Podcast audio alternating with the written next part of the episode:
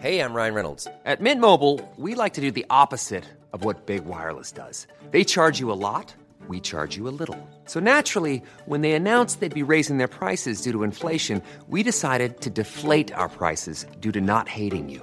That's right. We're cutting the price of Mint Unlimited from $30 a month to just $15 a month. Give it a try at mintmobile.com slash switch. $45 upfront for three months plus taxes and fees. Promo rate for new customers for limited time. Unlimited more than 40 gigabytes per month. Slows. Full terms at mintmobile.com.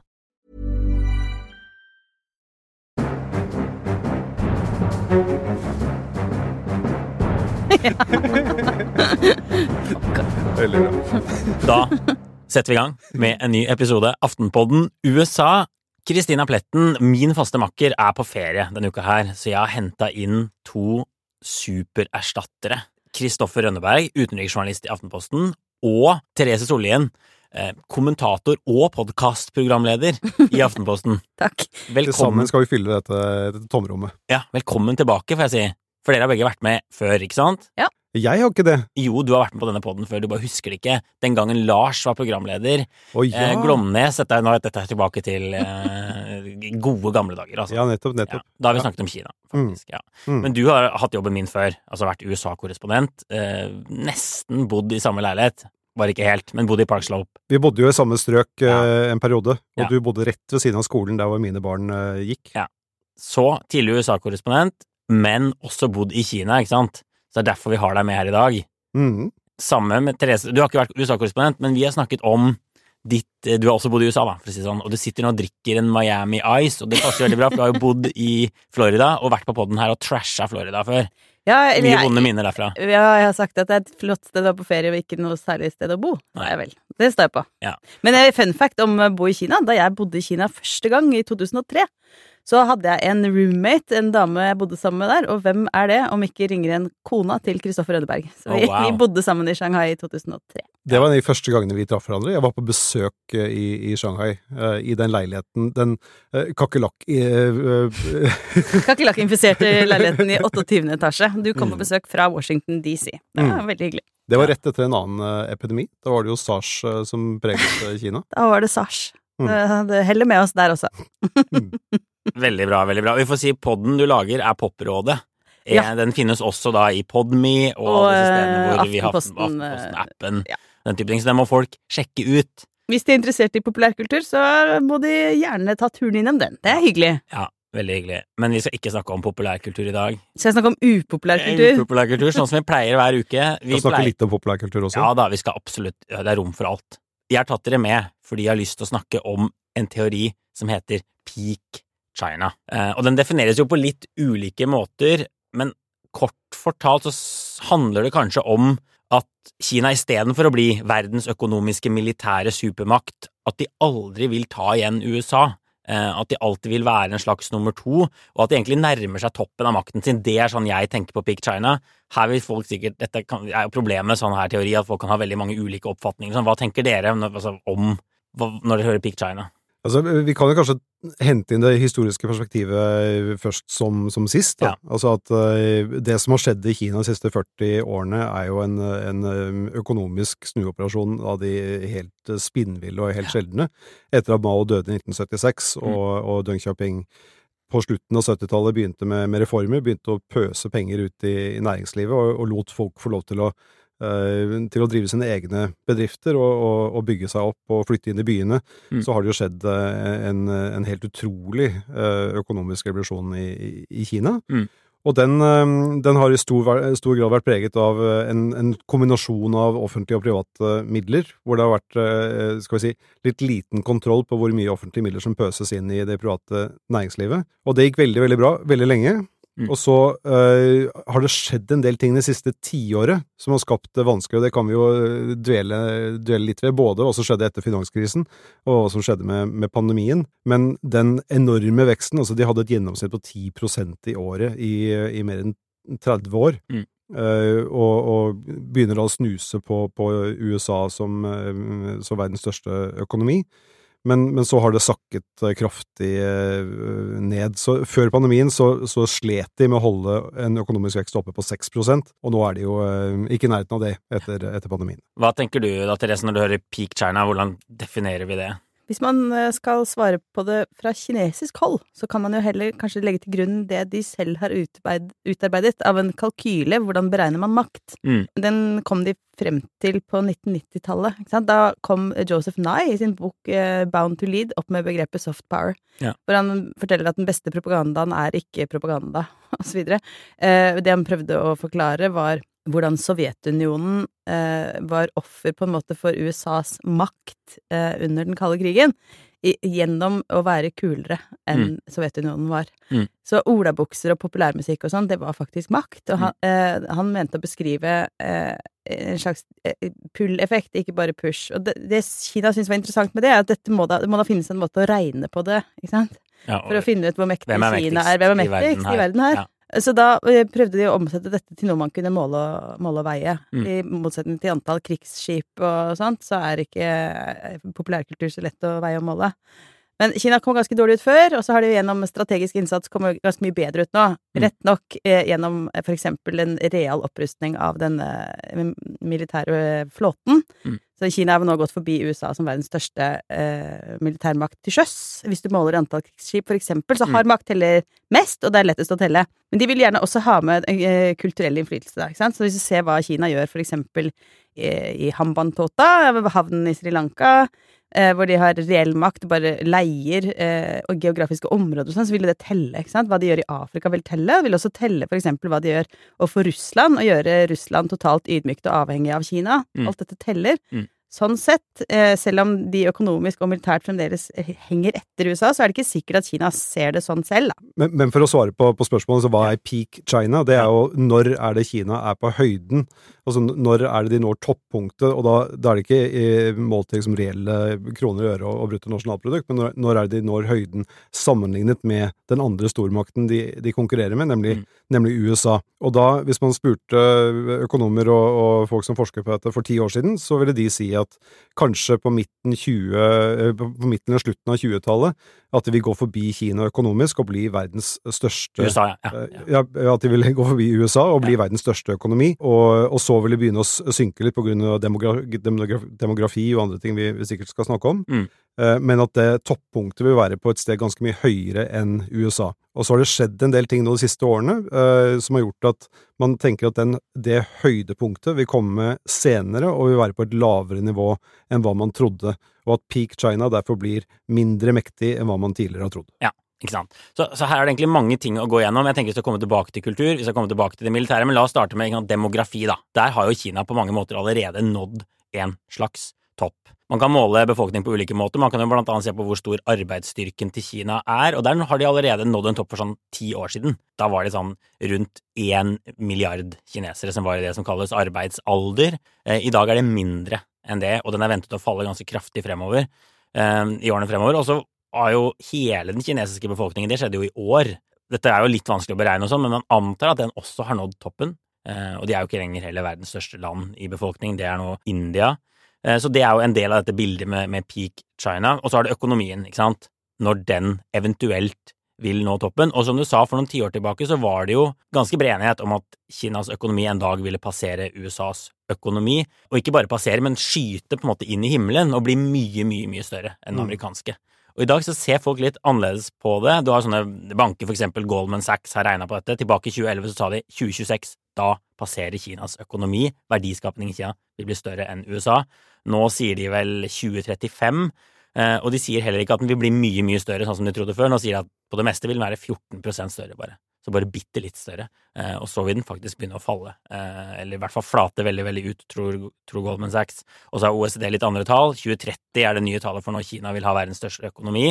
Eh, og så er det noen som ikke tror det vil skje i det hele tatt. Så Economist har laget en fin sak, det er derfor vi blant annet tar dette opp med Peak China som over hele forsiden sin.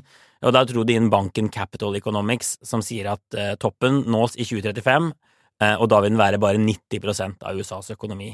Og så vil den begynne å svekke seg etter det. Mm. Så det er jo på en måte helt andre takter enn man trodde. Eh, og så er det selvfølgelig uenighet om det her og sånn, men vi må snakke litt om hvorfor er man mer pessimistisk enn før. Eh, Vi nevnte befolkningsutvikling, åpenbart en grunn, men det er jo andre ting også, ikke sant? Eh, Den politiske styringen av Kina og sånn. Hva, hva tenker dere er de viktigste grunnene til at man kanskje kan være litt mer skeptisk enn før? Vi kan jo begynne på, på flere, flere steder der, egentlig, men én ting er jo absolutt den politiske utviklingen. At Mm. etter at Xi Jinping overtok som partileder i, i 2012, og, og som eh, statsleder i, i 2013, så har han tatt landet i en veldig autoritær retning.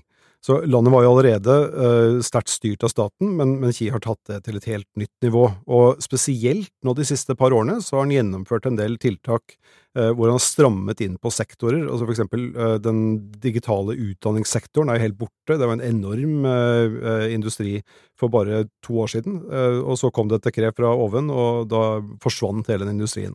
Mm. Eh, samme med liksom, fintech og, og andre områder hvor, eh, hvor det har vært eh, ganske stor grad av frihet. Har tjent masse penger. Forsvant. Eh, og nå er det andre områder som, som Ki ønsker å satse på, for eksempel eh, mikrobrikker og, og en del sånne ting, hvor de prøver å, å utvikle sin egen teknologi fremfor å kopiere andres. Så eh, det, det er nok denne usikkerheten i måten økonomien styres på, som har gjort en del eh, forretningsfolk i Kina, og også investorer i utlandet, litt, eh, litt nervøse, fordi man vet aldri helt om det man driver med kan være langsiktig. Mm. Eh, om det i det hele tatt vil finne sin industri eh, om to år, litt avhengig av liksom, humøret til Xi Jinping, og, og hvor han ønsker å ta landet. Og det, det hemmer nok investeringsviljen, i tillegg til at man har sett at det har vært en overinvestering fra, fra staten, spesielt inn i eiendomssektoren, Ja. som, eh, hvor det har gått fullstendig over stokk og stein. Man har bygget eh, boligblokker og, og næringsparker uten at det har vært noe etterspørsel. Så kommer heller ikke etterspørselen senere, og da må man rive før man begynner å bygge på nytt. Mm. Og, og det, det bidrar nok i veldig stor grad til at økonomien viser tegn til stagnasjon. Og så ønsker Ki å utvikle det han kaller en avansert økonomi, og ta det fra liksom produksjonsstadiet til at man skal begynne med, med mer avanserte ting, men det har ikke helt kommet ennå. Og, og, og derfor tror jeg man ser det bildet nå hvor det er veldig stor usikkerhet på hvor, hvor mye de kommer til å vokse fremover, og om de i det hele tatt kommer til å klare å, å gå forbi USA. Men bare, bare, bare, følg opp det.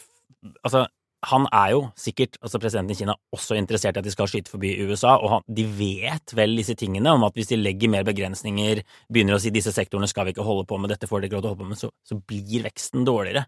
Så er, det ikke litt mystisk også, eh, på et eller annet nivå, Jo, det er, det er litt rart, fordi den modellen som har fungert så bra fram til nå? Ja, for Kina bare handlet om vekst, vekst, vekst Ja. uh, gjennom uh, flere generasjoner av, av ledere før Xi Jinping, og også lenge under Xi Jinping. Men vi så et uh, eksempel for eksempel under pandemien. Xi kunne ha valgt å åpne opp Kina i januar-februar i fjor, omtrent samtidig som vi gjorde. Mm. Men så valgte han å vente et år. Det skjedde ikke noe spesielt da, vaksinerte ikke befolkningen noe særlig, gjennomførte, ikke noen tiltak for å, for å holde smitten nede, bortsett fra å liksom stenge landet, som jo selvfølgelig hindret smitte. Men så begynte det å dukke opp flere smittetilfeller i, i fjor, og, og det kom noen protester, og plutselig så åpnet Xi eh, landet opp. Og nøyaktig den prosessen kunne han ha gjort et år tidligere. Det ville vært eh, til stor hjelp for den kinesiske økonomien. Og det er liksom ett av ganske mange eksempler nå som viser at Xi er mer opptatt av eh, partiets makt og, og stabilitet enn av økonomisk vekst. Mm. Og det er en ganske stor endring. Og også disse eh, dramatiske tiltakene i økonomien overfor eh, de sektorene vi var inne på, de tyder på at det er andre ting enn økonomisk vekst som er viktig for, eh, for Xi Jinping. Og hvorfor han har valgt å, å gjøre det på den måten, det, det er fortsatt et ganske stort mysterium. Ja, jeg helt eh, jeg støtter meg på den, eh, til den analysen eh, i høyeste grad. Eh, Det nevnes, bare når vi er innom tallet, at rundt en tredjedel av Kinas økonomi er i eiendomsmarkedet. Det Mm. er jo himmelropende stor andel Mm. av markedet. Eh, Så en ting er det som skjer i Kina. Du var innom demografi, så de får en stadig større forsørgerbyrde ved at folk blir eldre. Eh, og det er færre folk i arbeidsfør alder i forhold til dem som er gamle og unge. Mm. Så befolkningen faller, og den blir eldre, den befolkningen som finnes. Ja. Så det er jo ting som trekker ned veksten, antagelig. Ja. Samt at de begynner å gå litt tom for sånn kjempebillig arbeidskraft. Ikke sant? Det, nå er Kinas økonomi på linje med eh, et eller annet sted rundt Mexico, Tyrkia, der omkring. Da snakker det- vi levestandard? Levestandard, ja. BNP Mm. per capita, ikke total-BNP. Nei. For der er de sant, Nettopp, der er de godt forbi. Ja, ja, ja. Men, eh, men det betyr at du begynner å gå litt tom for den utfattige arbeideren som vil jobbe ti timer i uken, seks dager, eh, ti timer om dagen, seks dager i uken, Mm. for luselønn. Mm. Som jo er en, absolutt en viktig komponent i den kjempegunstige eh, vekstmodellen. Ikke sant? Eh, men det andre En ting er det som skjer i Kina. Det andre er det som skjer også i andre land. Eksempel i USA, som nå velger å eh, drive med decoupling og homeshoring, altså aktive grep for å hindre Kina i å eh, rappe til seg all, eh, all eh, næringsutvikling og all økonomisk vekst. ta det med hjem igjen, ikke sant. Og EU driver også og lukter litt på det der. Så har vi da eh, Ursula von der de-risking. Unnskyld? De kaller det de-risking. De-risking, ja. Skal risik eh, minimere risikoen for å gjøre seg for avhengig av Kina. Det er dog litt mindre hissig enn det USA holder på med. Mm. Men passe på at ikke de gjør seg fullstendig avhengig av kinesisk teknologi, å, eh, når det gjelder sånn alt av mikrochips og alt det som på en måte man fort kunne havne i den samme fellen som man har gjort seg avhengig av Russland eh, på råvarer, så Ja. kunne man også ha gjort seg avhengig av Kina eh, teknologisk, og det vil man jo ikke gjøre i EU, men USA går mye lenger. De vil rett og slett liksom kutte båndene eh, i mye større grad og heller ta eh, produksjonen med hjem, og dersom USA Ja, lykkes bare, bare for å legge det, ikke bare ta produksjonen hjem, men de vil også nekte å eksportere en del ting til Kina. Så de vil ha arbeidsplassene hjem, men de vil ikke eksportere databrikker til Kina, for eksempel. Som jo også er sånn litt veksthemmende. I hvert fall på kort sikt, da. Og nekte amerikanske statsborgere i å arbeide i Kina osv. Sånn forsøk på å stanse eh, teknologioverføring til Kina osv. Det er jo aktive grep for å motarbeide Kinas eh, hittil uhindrede vekst. Så at det innvirker på Kinas eh, hva skal jeg si, prognoser, er, jo, er det jo heller ingen tvil om. Mm, absolutt. absolutt. Vi, Og det som også hemmer veksten, det er jo at kineserne fortsatt ikke har blitt veldig gode på innovasjon. De er veldig flinke, som de har vært hele veien, på å kopiere uh, varer som, uh, og, og produkter som allerede finnes. Og så har de blitt flinke til å kopiere de avanserte varene, så det er en av grunnene til at vi ser så mange kinesiske elektriske biler på, på veiene nå. Mm. At de blir supergode på å lage gode produkter uh, som også er høyteknologiske, men ikke like flinke på å skape nye ting. Så på dette med mikrobrikker, da Biden innførte denne eksportkontrollen, så var det et eh, kjempeslag for, for Kiev, fordi de er ikke i stand til å utvikle mikrobrikker som for eksempel Taiwan gjør. Taiwan er jo verdensledende på dette her, Mm. og lager mikrobrikker som er utrolig mye mer avanserte enn noe av det de får til i Kina på, på mellomlang sikt, i hvert fall på de neste fem årene. Og så nevnte dere boliginvesteringer. og Kina har også bygget vanvittig mye infrastruktur, altså veier, jernbane og sånn. Motorvei til steder hvor ingen bor. Ja, ikke sant? Og, og, og, og det er jo klart at det er mye mer avkasting. Altså Man får mye mer ut av å bygge en, en, en jernbane igjen mellom noen av de største byene i Kina. Og er det er de lavthengende fruktene som Kina har fått mye ut av allerede. Men klart, man får også mindre igjen for den type investeringer nå når man må bygge til mer perifere steder av landet. Altså det er, ja, Mm. Ja, de det klart. lavthengende frukt, fruktene er liksom henta ut, Ja. og da er det vanskeligere å, å få Du kan komme opp på et ganske høyt nivå på levestandard, men det er mye mer avansert å fortsette å klatre, som du sier, oppover den eh, oppover the food chain, da. Mm. Og da krever det be mer innovativ økonomi og en del andre typer ting for å få til det. Så det er jo der de er nå, på en måte. Neste steg. Da har de er allerede dunket ned T-bane i byer som Luoyang og sånn. Ja. Altså det Siemens og Bombardier har bygget T-bane rundt omkring i hele Kina. Det begynner å gå tom for steder hvor det er meningsfullt. Det begynner å bli liksom Norge, ikke sant. Og så er det bygget på eh, et marked som ikke eksisterer, som vi var inne på. Så er det bygget på, på penger som ikke egentlig eksisterer. Så dette er jo bare en gjeldsoppbygging som eh, også mangler helt sidestykke i, i kinesisk eh, nyere historie. At de har bygget opp eh, statsgjelden ved at de pumper inn penger i både statlig og privat eh, næringsliv, uten at det har noe kostnad. fordi ta et selskap som Evergrande, da, den store boliggiganten som, eh, som eh, var i ferd med å, gå, med å kollapse for var det halvannet år siden. De kollapset ikke, og det er fordi staten bare fortsetter å pøse inn penger, så det har ikke noen konsekvenser å drive med all denne utbyggingen av infrastruktur og boliger og, og næringsparker, fordi det alltid finnes mer penger fra staten. Mm. Og det er en litt sånn dristig økonomisk modell å, å se hvor lenge kan man holde på med det før det plutselig raser sammen. Og så får jeg bare si at det finnes jo ulike måter å måle økonomisk størrelse på, og det vi snakker om nå er jo på en måte det som kalles nominell bruttonasjonalprodukt, så man tar bare bruttonasjonalproduktet til Kina og tar dagens dollarkurs, og så ser hvor stor er Kinas økonomi.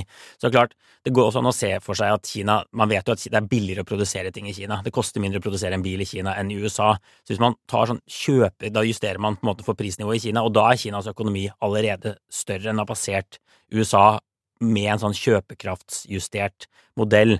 Da snakker man jo egentlig kanskje ikke så mye om liksom markedsverdien av Kinas økonomi, da snakker man mer om hvor mye som produseres der, volumet, hvor mange tjenester, hvor mange, hvor mange biler og den type ting. Så der er Kina allerede størst. De passerte i, 20, i 2016. Men den vanligste måten å regne på er den nominelle, og det er der vi har snakket om at Kina skal passere USA eh, inn, inn i fremtiden. Men kanskje aldri kommer til å gjøre det da. Men nå har vi snakket en del om økonomi, vi må også snakke litt om, om de andre tingene. Du har allerede prøvd å touche inne på kultur. Du skal, vi skal vente ett sekund til med det, men militært, det er jo veldig, veldig viktig for å Mm. kåre verdens mektigste land, og for å diskutere dette peak China-begrepet. Og det er jo litt vanskelig å måle sant, hvem som er størst og mektigst eh, militært. Man kan ta forsvarsbudsjettene. I rene tall er USAs forsvarsbudsjett fortsatt mye større enn det, det, kinesiske. Jeg tror det er tre ganger så stort, det. Eh, men igjen, ikke sant, mye dyrere å produsere ting i USA, dyrere å produsere en stridsvogn, dyrere å produsere et skip, så det er ikke sånn direkte sammenlignbart. Kina kan fortsatt slå ganske hardt før de har like stort forsvarsbudsjett, eh, på grunn av lønnsnivået eh, og den type ting. Og så kan man jo begynne å telle båter og soldater og, og sånn. Og i eksempel antall soldater, da har Kina flere soldater enn USA. To millioner aktive soldater eller noe sånt. USA mm. har 1,4 millioner. Uh, så, så, jeg vet ikke, liksom, hva tenker vi militært Det det samme hvis du måler antallet skip. Ja. Altså, de har jo verdens største marine nå. Altså Kina? Kina. Ja. Og, og, det har de bygget opp i løpet av en, en tiårsperiode, eh, hvor de har fått eh, Nå har de hvor mange hangarskip er det? Tre stykker. Eh, er i gang med å produsere enda flere. Mm. Og tydelig at de, at de forbereder seg på et eller annet, eller at det bygger opp styrke som skal forhindre et eller annet. Altså det, det, er, det, er, en ganske eh, tydelig tendens der hvor de øker forsvarsbudsjettet med, med radikalt uh, mye hvert, hvert år. Mm. Og, men de har en utfordring, at de, uh, de, har ikke vært i strid, disse soldatene, siden 1979, da Kina invaderte Vietnam og, og, hva de skal gjøre med alle disse soldatene og alt det utstyret de produserer nå, det, det, vet vi jo ikke. Men at det også skal fungere som en slags avskrekkende metode, eller en, en avskrekking for hva USA ønsker å utøve av makt, det, det, er jo helt tydelig. Det er jo også noe, en gjenganger, da, når du hører på for eksempel nå altså tidligere ambassadør til USA, nå utenriksminister Qin Gang, hva han sier igjen og igjen eh, når han snakker om krigen i Ukraina, som de ennå ikke vil kalle en krig, kan man jo nevne han på sang. Mm. Men det han eh, omtaler USAs eh, og Natos eh, gjøren og laden i Øst-Europa som, så er det long chance way, kaller han det. Kaldkrigsmentalitet. Mm. Dette er det USA spesielt, og Nato generelt, som står for. Mm. Og han sier at det Nato har gjort i Europa ved å utvide østover hele tiden og, og, og true Russlands sikkerhetssfære, true Russlands kjerneinteresser, det er det USA driver med også i, eh, i, eh, i Kinas bakgård i, i Sør-Kina-havet, mener Qingang. Altså, det er også kaldkrigsmentalitet. Så det, en del av den avskrekkingen er også å få USA ut av farvannet, ikke sant? Mm. Og der er det jo egentlig lett å skjønne hva han mener. Ja. Hvis man ser på områdene utenfor Kina Kina legger jo krav på hele Sør-Kina-havet. Mm. De har en sånn såkalt uformet linje som, går, som, gjør at de mener at de har kontroll på hele, hele det området, noe som eh, de andre landene i, i området ikke, ikke, er enig i. Men hvis du ser på, uh, ser på hva som finnes der av, av land, så har du liksom I nord så har du Japan, Sør-Korea, så går det nedover til Taiwan, Filippinene og så til Vietnam etter hvert. Eh, alt dette her er land som USA, spesielt de siste par årene, har jobbet veldig hardt for å knytte seg tettere og tettere inn til. Mm. Eh, du ser nå uttalelser fra spesielt Japan og Sør-Korea, hvor de helt tydelig har valgt eh, amerikansk side og, og en mye mer Kina-kritisk linje. Så det at Qingang eh, blir sint og gir uttrykk for det, inkludert da han var her i Norge for noen uker siden, det, det er jo ikke så rart. Nei. Så, så, så, det er jo ikke, men jo, altså, hvis du går tilbake til det altså, militære, hvem er, hvem er, mektigst? De fleste vil vel si at USA har en helt annen evne til å liksom prosjisere makt rundt omkring i verden med forsvaret sitt. De har fortsatt mye mer hangarskip, men Kina har flere krigsskip. Når man, de, de liksom kan hamle opp på noen områder, men USA er jo en ganske sånn unik posisjon eh, når man ser på liksom allianser og den type ting rundt rundt i verden. USA har naboland som Canada og Mexico, veldig små forsvarsbudsjetter. Jeg så en sånn graf som viser hvor store forsvarsbudsjetter har landene som ligger rundt Kina. ikke sant? Det er enormt, og de har veldig, veldig mange ikke, altså, De har ikke bare vennligsinnede land rundt seg. altså Kina er en ganske annen posisjon også. De trenger kanskje forsvaret sitt mer på hjemmebane da, enn enn USA kan gjøre. De fleste vil vel fortsatt si at det amerikanske forsvaret er en ganske særstilling internasjonalt, selvfølgelig. Ja, det med allierte er jo viktig. Altså, USA har Nato, og de har mange andre eh, mer uformelle allianser. Kina har ikke allierte. Nei, eh, de, de, kan ha handelsforbindelser og andre bånd som gjør at de er tett knyttet til, til andre land, og de båndene kan være sterkere enn hva, hva, disse landene har til Vesten. Se hvordan BRICS-samarbeidet fungerer. Se måten Brasil eh, har satt seg på gjerdet på, på lik linje med, med Kina. Eh, men de mangler disse alliansene som, som gir en sikkerhet som, eh, som, amerikanerne har, i tillegg til det geografiske som du er inne på. Altså, mm. USA er jo eh, omgitt av to verdenshav, og, og det er ikke noe stor fare for at noen skal invadere USA med det første. Spring? Is that you? Warmer temps mean new Allbirds styles. Meet the Superlight Collection, the lightest ever shoes from Allbirds, now in fresh colors. These must have travel shoes have a lighter than air feel and barely there fit that made them the most packable shoes ever. Plus, they're comfy right out of the box. That means more comfort and less baggage. Experience how Allbirds is redefining comfort. Visit allbirds.com and use code SUPER24 for a free pair of socks with a purchase of $48 or more. That's A L L B I R D S.com, code SUPER24. Så det er det militære, og så har vi da den kulturelle innflytelsen, som i hvert fall er vanskelig å måle og, og sammenligne eh, direkte. ikke sant? Og relatert til kultur så er jo dette soft power-begrepet som vi nevnte i stad, som vel handler om å få andre land til å gjøre som du vil, uten å true dem, uten en pistol mot tinningen, på en måte. Mitt inntrykk er jo at Kina ligger langt, langt bak USA på det området. Filmer, musikk, eh, TV-serier. Det er ikke ofte jeg konsumerer noe kinesisk, men jeg bor jo også i Vesten, så det kan se annerledes ut i Sør-Amerika eller Afrika. Men, men, hva tenker dere på dette området? Kina versus USA, soft power, og hvordan det vil utvikle seg fremover? Du har jo møtt eh, Joseph Nye, Therese? Det er mannen, vi får bare si det, du, du introduserte han tidligere, men det er altså mannen som kanskje fant opp soft power-begrepet, ja, eller i hvert fall ja, ja. utviklet det. Han, eh, ja, han nevner det for første gang i den boken som heter Bound to Lead, kommer i 1990, statsviteren Joseph Nye. Jeg møtte ham, spurte hvor, hva han synes om Kinas for, forvaltning av soft power. Uh, det, gjennom for eksempel Konfusius-institutter, som de eh, setter opp eh, over hele verdens universiteter. De har masse andre strategier også for å snuse opp kinesere overseas. Chinatowns og alt det som foregår både offisielt og uoffisielt. Det han sa, var at Kinas utøvelse av myk makt er ikke egentlig myk makt. Er mer en slags anvendelse av hard makt, for du forsøker å tvinge gjennom noe som ikke kommer naturlig. Så eh, den strategien kan man si at i hvert fall Nai ikke syntes var så vellykket, da. Men jeg tror heller ikke Kina er noe verdensledende i, i å i, liksom spre sin, spre sin, kultur. Jeg tror Kina stadig større grad oppfattes som en trussel mm. i Vesten. Slik at det er jo ikke så attraktivt. Men det, det har jo omkringliggende land som lykkes langt bedre. Både Sør-Korea, Japan og Taiwan. Mm. Særlig Japan og Sør-Korea har jo mm. både på musikkfronten og filmatisk og eh, seriemessig sørkoreanske såpeoperaer. Ja. Hvis man tenker at Days of Our Lives var noe å følge med på, da har du ikke sett en sørkoreansk sør såpeopera. Det er verdensklasse av sånn bokstavelig talt dåning og sånn. Det er virkelig gøy å se på. Det ser de på i Kina også. De dubber det til kinesisk og ser på det hele gjengen. Men hvorfor har ikke Kina klart det, da? Vi, vi, har jo blitt mye mer fiendtlig innstilt til Kina i Vesten de siste fem årene, men de har jo hatt lang tid på seg til å hoste opp en popsang eller en TV-serie som kan måte, ta av på Netflix. Hvorfor, hvorfor, klarer de ikke det? Det er et uh, veldig godt spørsmål, og, og, det som er interessant uh, med, med Sør-Korea for eksempel, er at det er jo også en form for hard makt, eller i hvert fall en form for, uh, for reklame for sørkoreanske produkter som kjøleskap og biler og sånne ting. Dette var et helt Eh, et helt bevisst tiltak fra, fra sørkoreanske myndigheter på, på slutten av 80-tallet og begynnelsen av 90-tallet, at de skulle satse penger på kultur. Pøste penger inn i Kulturdepartementet for at de skulle lage eh, musikk og, og TV-serier og, og, eksportvarer fra Sør-Korea, som mm. da liksom kulminerte til slutt med, Messiah og, og Gangnam Style og, og alle disse søker, altså, Squid Game mm. og Parasite og, og disse produktene som, som, vi ser på som nå en naturlig del av, av, av vårt kulturkonsum på, på Netflix og, og, i andre kanaler. Kineserne har ikke helt fått til det, og én ting er at eh, Peking-opera kanskje ikke er noe for, eh, for så veldig mange utenfor eh, for, for Kina, men, men, de har ikke fått til den forståelsen som, som gjør at man kommer på tvers av kulturgrensene. De, de får ikke laget den, den broen. Altså, det nærmeste jeg kan komme på, det er kanskje Eh, en boktrilogi som heter Trelegemeproblemet. Mm. Som er skrevet av Therese, nå må du arrestere meg på, på uttalen, men uh, Liu Ziqi Liu Zixin. Liu Chin.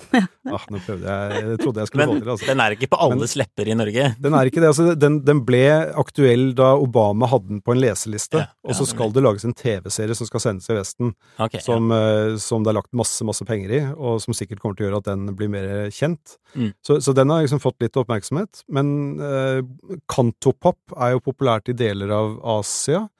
Men utover det så har de ikke disse uh, kulturuttrykkene som, som, gjør at Kina kan kan få et annet image i Vesten enn en det litt harde, militariserte og eh, autoritære som de har i dag, og det, det er jo et kjempeproblem for dem. Altså, Mm. Amerikanerne etter andre verdenskrig, som, som du var inne på i stad, de hadde jeans og James Dean, og de hadde rock'n'roll, og det var liksom eh, vi hadde Marshall-hjelpen som bidro til å bygge opp Norge, men i tillegg så var det liksom, det var kult. Mm. Alt som var tyggegummi, ikke sant. Ja. Alt som var amerikansk var kjempekult. Og det gjør jo at landet ikke bare er liksom vår viktigste sikkerhetsallierte, men også et land som, eh, som vi i Norge og i resten av Europa har sett, og resten av verden har sett opp til i mange tiår. Mm. Og det gjør jo at det kommer i tillegg til denne harde makten. Da. Det var jo en, det, nesten litt talende det. Det- Før Xi Jinpings tid så var det jo eh, litt mer eh, fres over den kulturelle innflytelsen fra Kina. Filmer som Snikende tiger, Skjultdraget Laget Mm. av en taiwaner. laget av en taiwaner, men, men i Kina. Men det er det egentlig det jeg skulle si, at Taiwan, selv lille Taiwan, med sine 21 millioner innbyggere, har jo klart å utøve større kulturell innflytelse med regissører som Ang Lee, for eksempel. Ikke sant? Laget Lust Caution, Brokeback Mountain, historien om Pi. Mm. Så ja, det er surt, da. Det er surt. Så- Det selv, vi ser det også hver gang eh, en ikke-kineser tildeles eh, Nobels litteraturpris. De kineserne som har fått dem, er jo stort sett eksilkinesere, eller folk som ikke bor i Kina lenger. Og da en kineser vant fredsprisen, så ble det jo eh, fullstendig er heller ikke noe populært. populært. Nei, det er merkelig, merkelig akkurat det. Eh, jeg bare tenker sånn, nå har vi gått gjennom disse områdene, åpenbart at de ligger et stykke bak, eh, og kanskje særlig på soft power, da. Eh, kanskje det er der gapet er all- aller, aller, aller, aller størst til USA.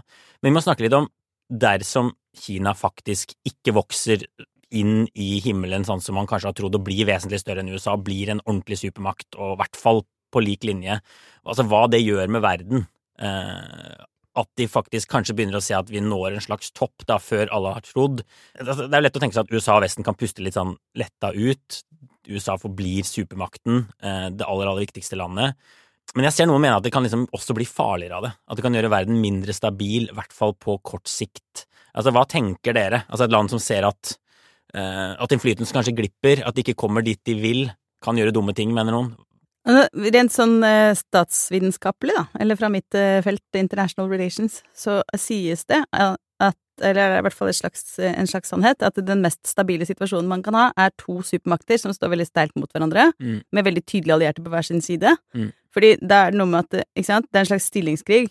Eh, du, det, ingen har noe godt av å trekke av eh, pistolen, ikke sant. Det er stabilt tross alt, fordi det er ganske oversiktlig. Det farligste derimot er en slags multipolar verden, hvor det er mange stormakter som, som kjemper om å bli supermakt. Eh, kjemper om å ha hegemoniet, regionalt, men også globalt. Og det er vel den situasjonen vi står i nå, hvor Mm. det er mange stormakter som ønsker å ta hegemoniet, men hvis vi spoler inn, liksom zoome inn på EU, så ser man at Tyskland og Frankrike kniver litt. Mm. Jeg er ikke redd for noe storkrig der, må jeg vedgå, men, Nei. eh, men, men, men Kina som en konkurrent til USA er på en måte farligere enn som en direkte fiende som, som er i paritet med USA. Mm. Fordi det som skjer nå, det ser man jo eh, Altså, hvis sanksjoner er på en måte krigens lillebror, eller, eh, det, eller handelskrigen er krigens for, eh, forgård, eller hva man skal si, så er, er vi jo langt på vei inn i en sånn situasjon hvor det begynner å bli et stadig fiendtligere forhold mellom en kjempemakt og en hypermakt. Mm. Så eh, jeg deler litt det, den analysen du kom med der innledningsvis. Altså jeg tror det er en farligere situasjon enn om Kina hadde vokst seg li, omtrent like stort mektig som USA. Mm. Det er vel det Ian Bremmer i Eurasia Group kaller Ja. G0-verden. altså at, at det er mange aktører som, som prøver å, å, å- spille, spille seg inn og bygge opp makt uten at man har den klare både avskrekkingen og stabiliteten som ligger i, i systemet vi hadde under, under kalde krigen. Mm. Og så er det en annen teori som, som kalles Tykkedid-fellen. Som handler om eh, at en eh, framvoksende stormakt og en eksisterende stormakt eh, nødvendigvis må komme i konflikt. Ja. Og det er jo ikke helt uh, riktig, det, det er jo eksempler, eksempler på det motsatte også. Men det ligger, en, uh, det- ligger en, en konflikt i at Kina ønsker større innflytelse i verden, mens USA ikke ønsker å gi fra seg Mm. den innflytelsen. Mm. Og det ser vi jo veldig tydelig i, i Øst-Asia, hvor, hvor dette er på det mest øh, skal vi si, konfliktfylte nå, hvor det lett kan bli en krig hvis ikke partene nå endrer den kursen de er på akkurat nå. Men vi ser det også i, i, land, altså i mange afrikanske land. Vi ser det i Sentral-Asia, hvor, hvor Xi Jinping har øh, lagt ned masse penger øh, nå bare den siste måneden Mm. på å få landet Sentral-Asia til, til å nærme seg Kina i større grad enn enn andre deler av verden. Ja. Jeg ser bare noen av de bak denne peak China-teorien, de som mener at Kina virkelig er i ferd med å nå en topp og faktisk vil begynne å falle som stormakt, frykter at det vil gjøre en krig med Taiwan ganske snarlig mer sannsynlig, fordi det er et land som føler at de har ganske dårlig tid til, til å handle, og at de vil forhaste seg litt, sånn som man har sett sånne stormakter gjøre før. Eh, jeg vet, jeg vet, ikke helt om det det, det det, innebærer vel blant annet at Kina selv da tror de når toppen nå, og at de kjøper peak China selv. Og det er jo ikke sikkert. Men klart, hvis det er et land som tror de er enda mektigere om 20-30 år enn de er i dag, så har de jo mye bedre tid hvis de skal begynne å spise naboland. Det er for tydelig at de leste den artikkelen i The Economist, for det har stått mye om den i kinesiske propagandaer ja, de ja. siste ukene, ja. hvor de sier at nei, det er bare tull og tøys, selvfølgelig skal vi bli mye større enn en USA. En USA. Ja, men, det er jo litt med, trygt i og for seg, kanskje, da, at de fortsatt tror det. Jo, altså, men som, som, noe, som dere begge er inne på, så det, det, kan jo, det, kan jo, gå begge, begge, veier. Og hvis kineserne opplever at de har dårlig tid, mm. Eh, f.eks. overfor Taiwan, som er et superviktig sånn følelsesbetont spørsmål Kinesiske ledere mener at Taiwan er en del av Kina, mm. og at de ikke er hele, eh, eller ikke har klart å liksom bli ferdig med, med revolusjonen som, eh, som, egentlig var ferdig i 1949, at den ikke er, er over før de har tatt Taiwan. Mm. Så, så, det er mulig at de tenker at da er det kanskje bedre å få gjort det mens de fortsatt er eh, relativt sett sterke. Mm. Men det argumentet kan også amerikanerne eh, bruke og tenke at ok, det er kanskje bedre å ta den konflikten nå, før Kina blir sterkere, enn å vente ti år når de har bygget om marinen enda mer, og hvor mm. eh, styrkeforholdet er et annet enn, enn hva det er i dag.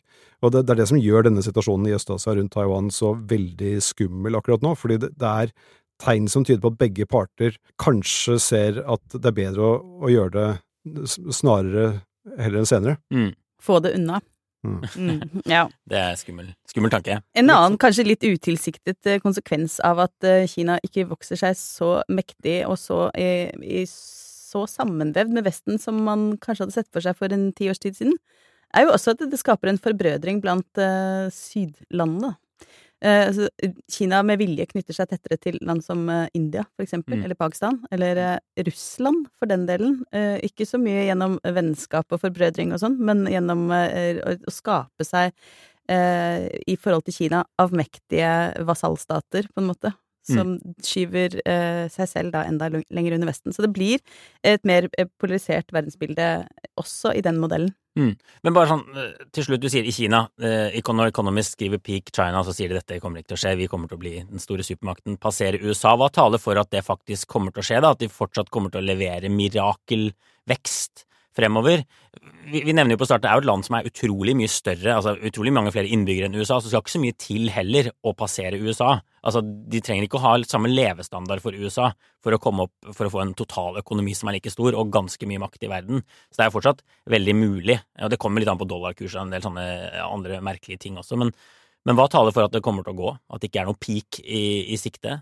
Altså, økonomisk vekst er jo i stor grad basert på, på myten om at uh, man skal ha fortsatt vekst, og det krever jo en tillit til både markedet og til eh, myndighetene som, som regulerer det. Mm. Og i Kina så er den tilliten ganske tynnslitt nå. Vi ser det på eh, aksjemarkedet i, i Kina. Det har gått ned 20% etter at de gjenåpnet uh, etter, etter, covid. Det er masse Mange som er usikre, mange som flykter. Og så ser på boligprisene i Singapore. De har blitt skyhøye fordi mm. mange rike kinesere velger å, å dra fra Kina og, og heller dra utenlands og, og tjene penger der.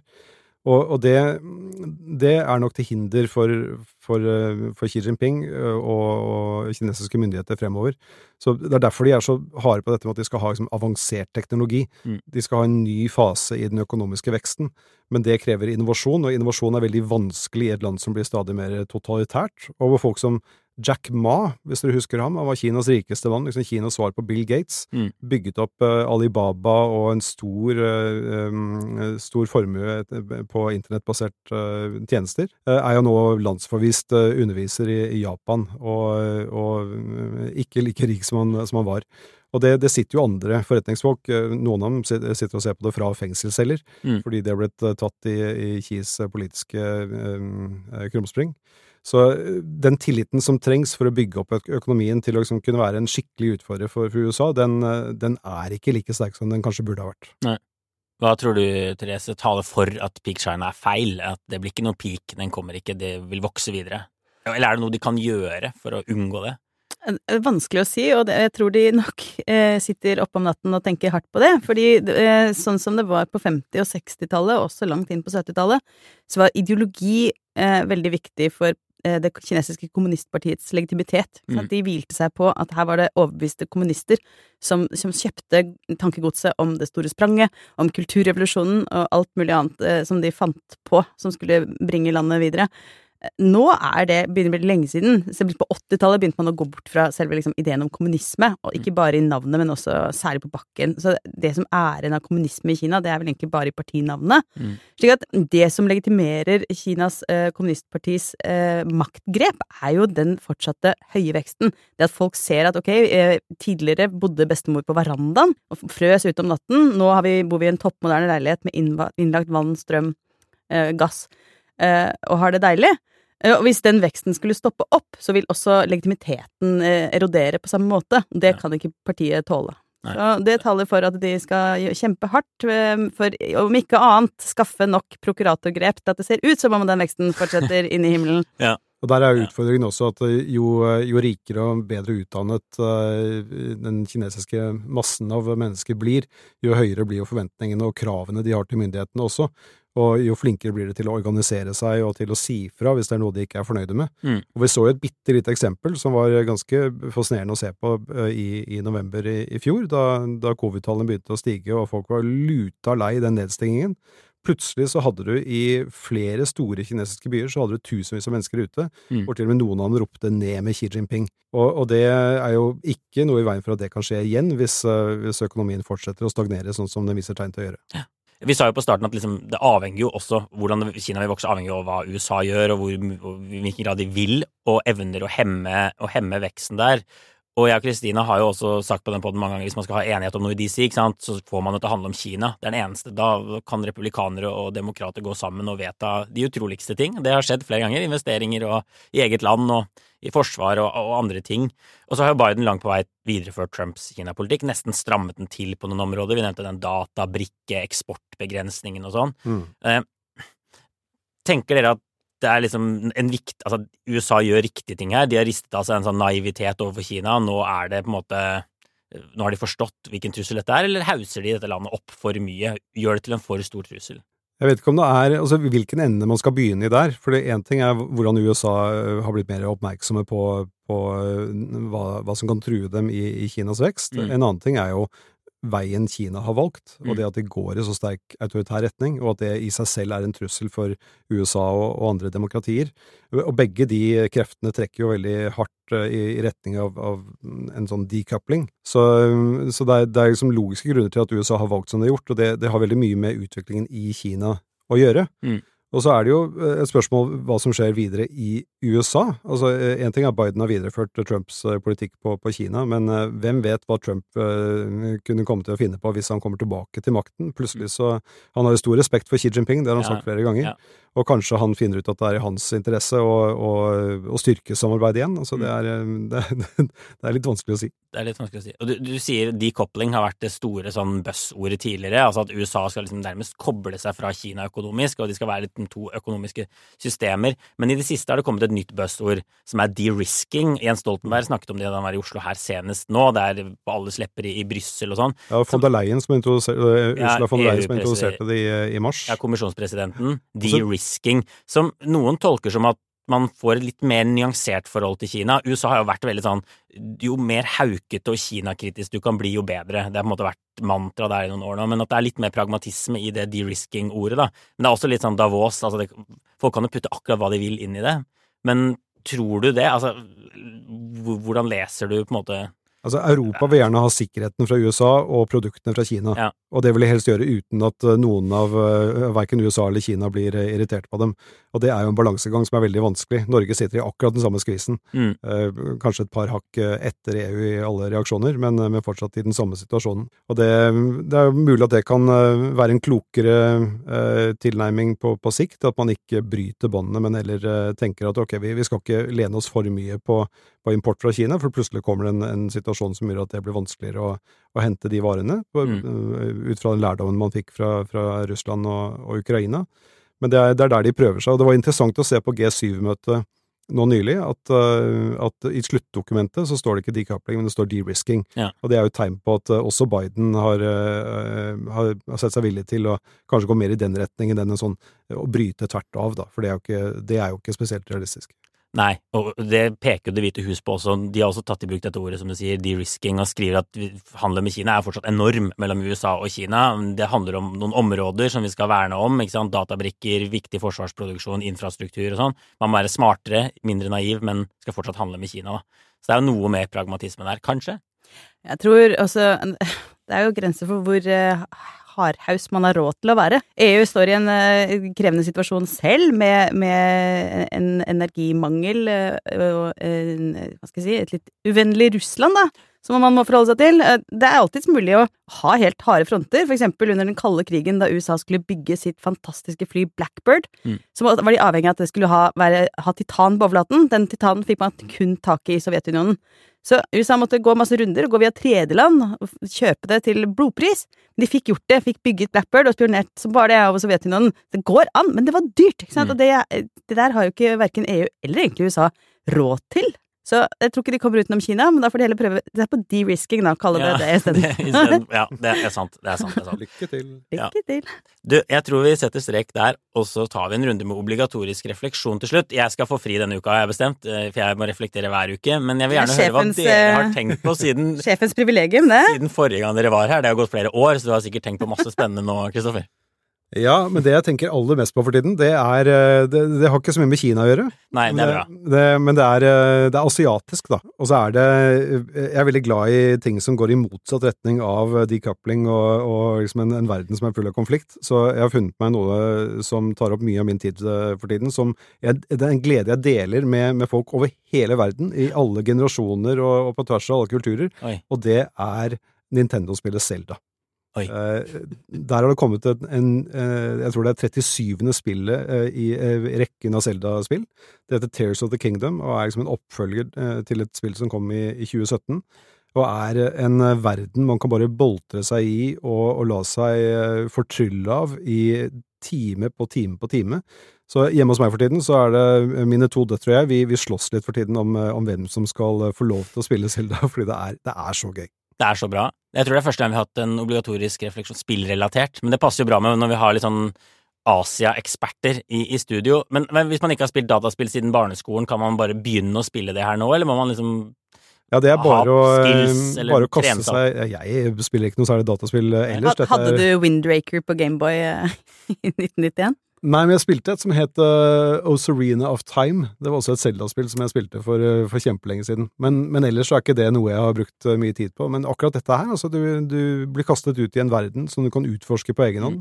Så får du uh, små oppgaver underveis, og det er litt sånn eh, Du må løse ting og sette ting sammen for å få dem til å, til å fungere, sånn at du kommer deg fra A til B. og Ja. Det krever litt, eh, litt tanke, og så er det litt action med du skal slåss med noen eh, monstre og, og sånne ting. Og så skal du til slutt da redde prinsesse Selda. Det det er hovedformålet, men det skjer utrolig mye underveis, og det, det, gir, eh, det gir masse glede. Det er veldig bra anbefaling. Veldig interessant. Kanskje jeg skal børste støvet av dataspillkunnskapene. Hva med deg? Har du også dataspill å anbefale? Nei, ikke ennå. Jeg jeg skal kjøpe min Nintendo i sommer. Fordi da kommer eh, Harry Potter-spillet på Nintendo. Det er latt vente Mm. på seg. Det er på listen min, men det er ikke før i juli, så vidt jeg husker. Ehm, ja, Nei, jeg skal anbefale noe så spenstig som en podkast. I søkens anledning. Ja, det har skjedd før her. egen- Det er ikke, lov å anbefale Poprådet. Ok, da må du bare vente litt. Nei, det er ikke min egen. Ehm, Det jeg skal anbefale Jeg har jo sans for det bisarre, kan Ja. du si. Eh, og det er eh, en podkast om eh, Savitri Devi, som er liksom økofascismens mor. Oi. Eh, så hvis du er interessert i eh, fransk-greske nazister som var særlig aktive på 60-tallet, så vil jeg anbefale en episode av eh, Thomas Seltzers Trygdekontoret, Mm. eh, hvor han eh, gjestes av eh, han eh, Even Haugen, som står bak podkasten Tåkeprat. Ja. Den episoden om eh, denne Savitri Devi, den anbefaler jeg varmt. Han eh, legger godt ut om eh, alt du ønsket å vite om eh, fransk-gresk økofascisme. Også for de som aldri har hørt om personen før. Så er det Ja, i høyeste grad. Det kan du lese, høre alt om Kali Yuga og denne sivilisasjonens undergang. Eh, flott å kose seg med på kvelden. Veldig bra. Veldig interessante anbefalinger. Jeg tror vi setter strek der, og så er vi tilbake om en uke. Og inntil da får alle ha det bra. Ha det, ha det. Ha det. Ha det!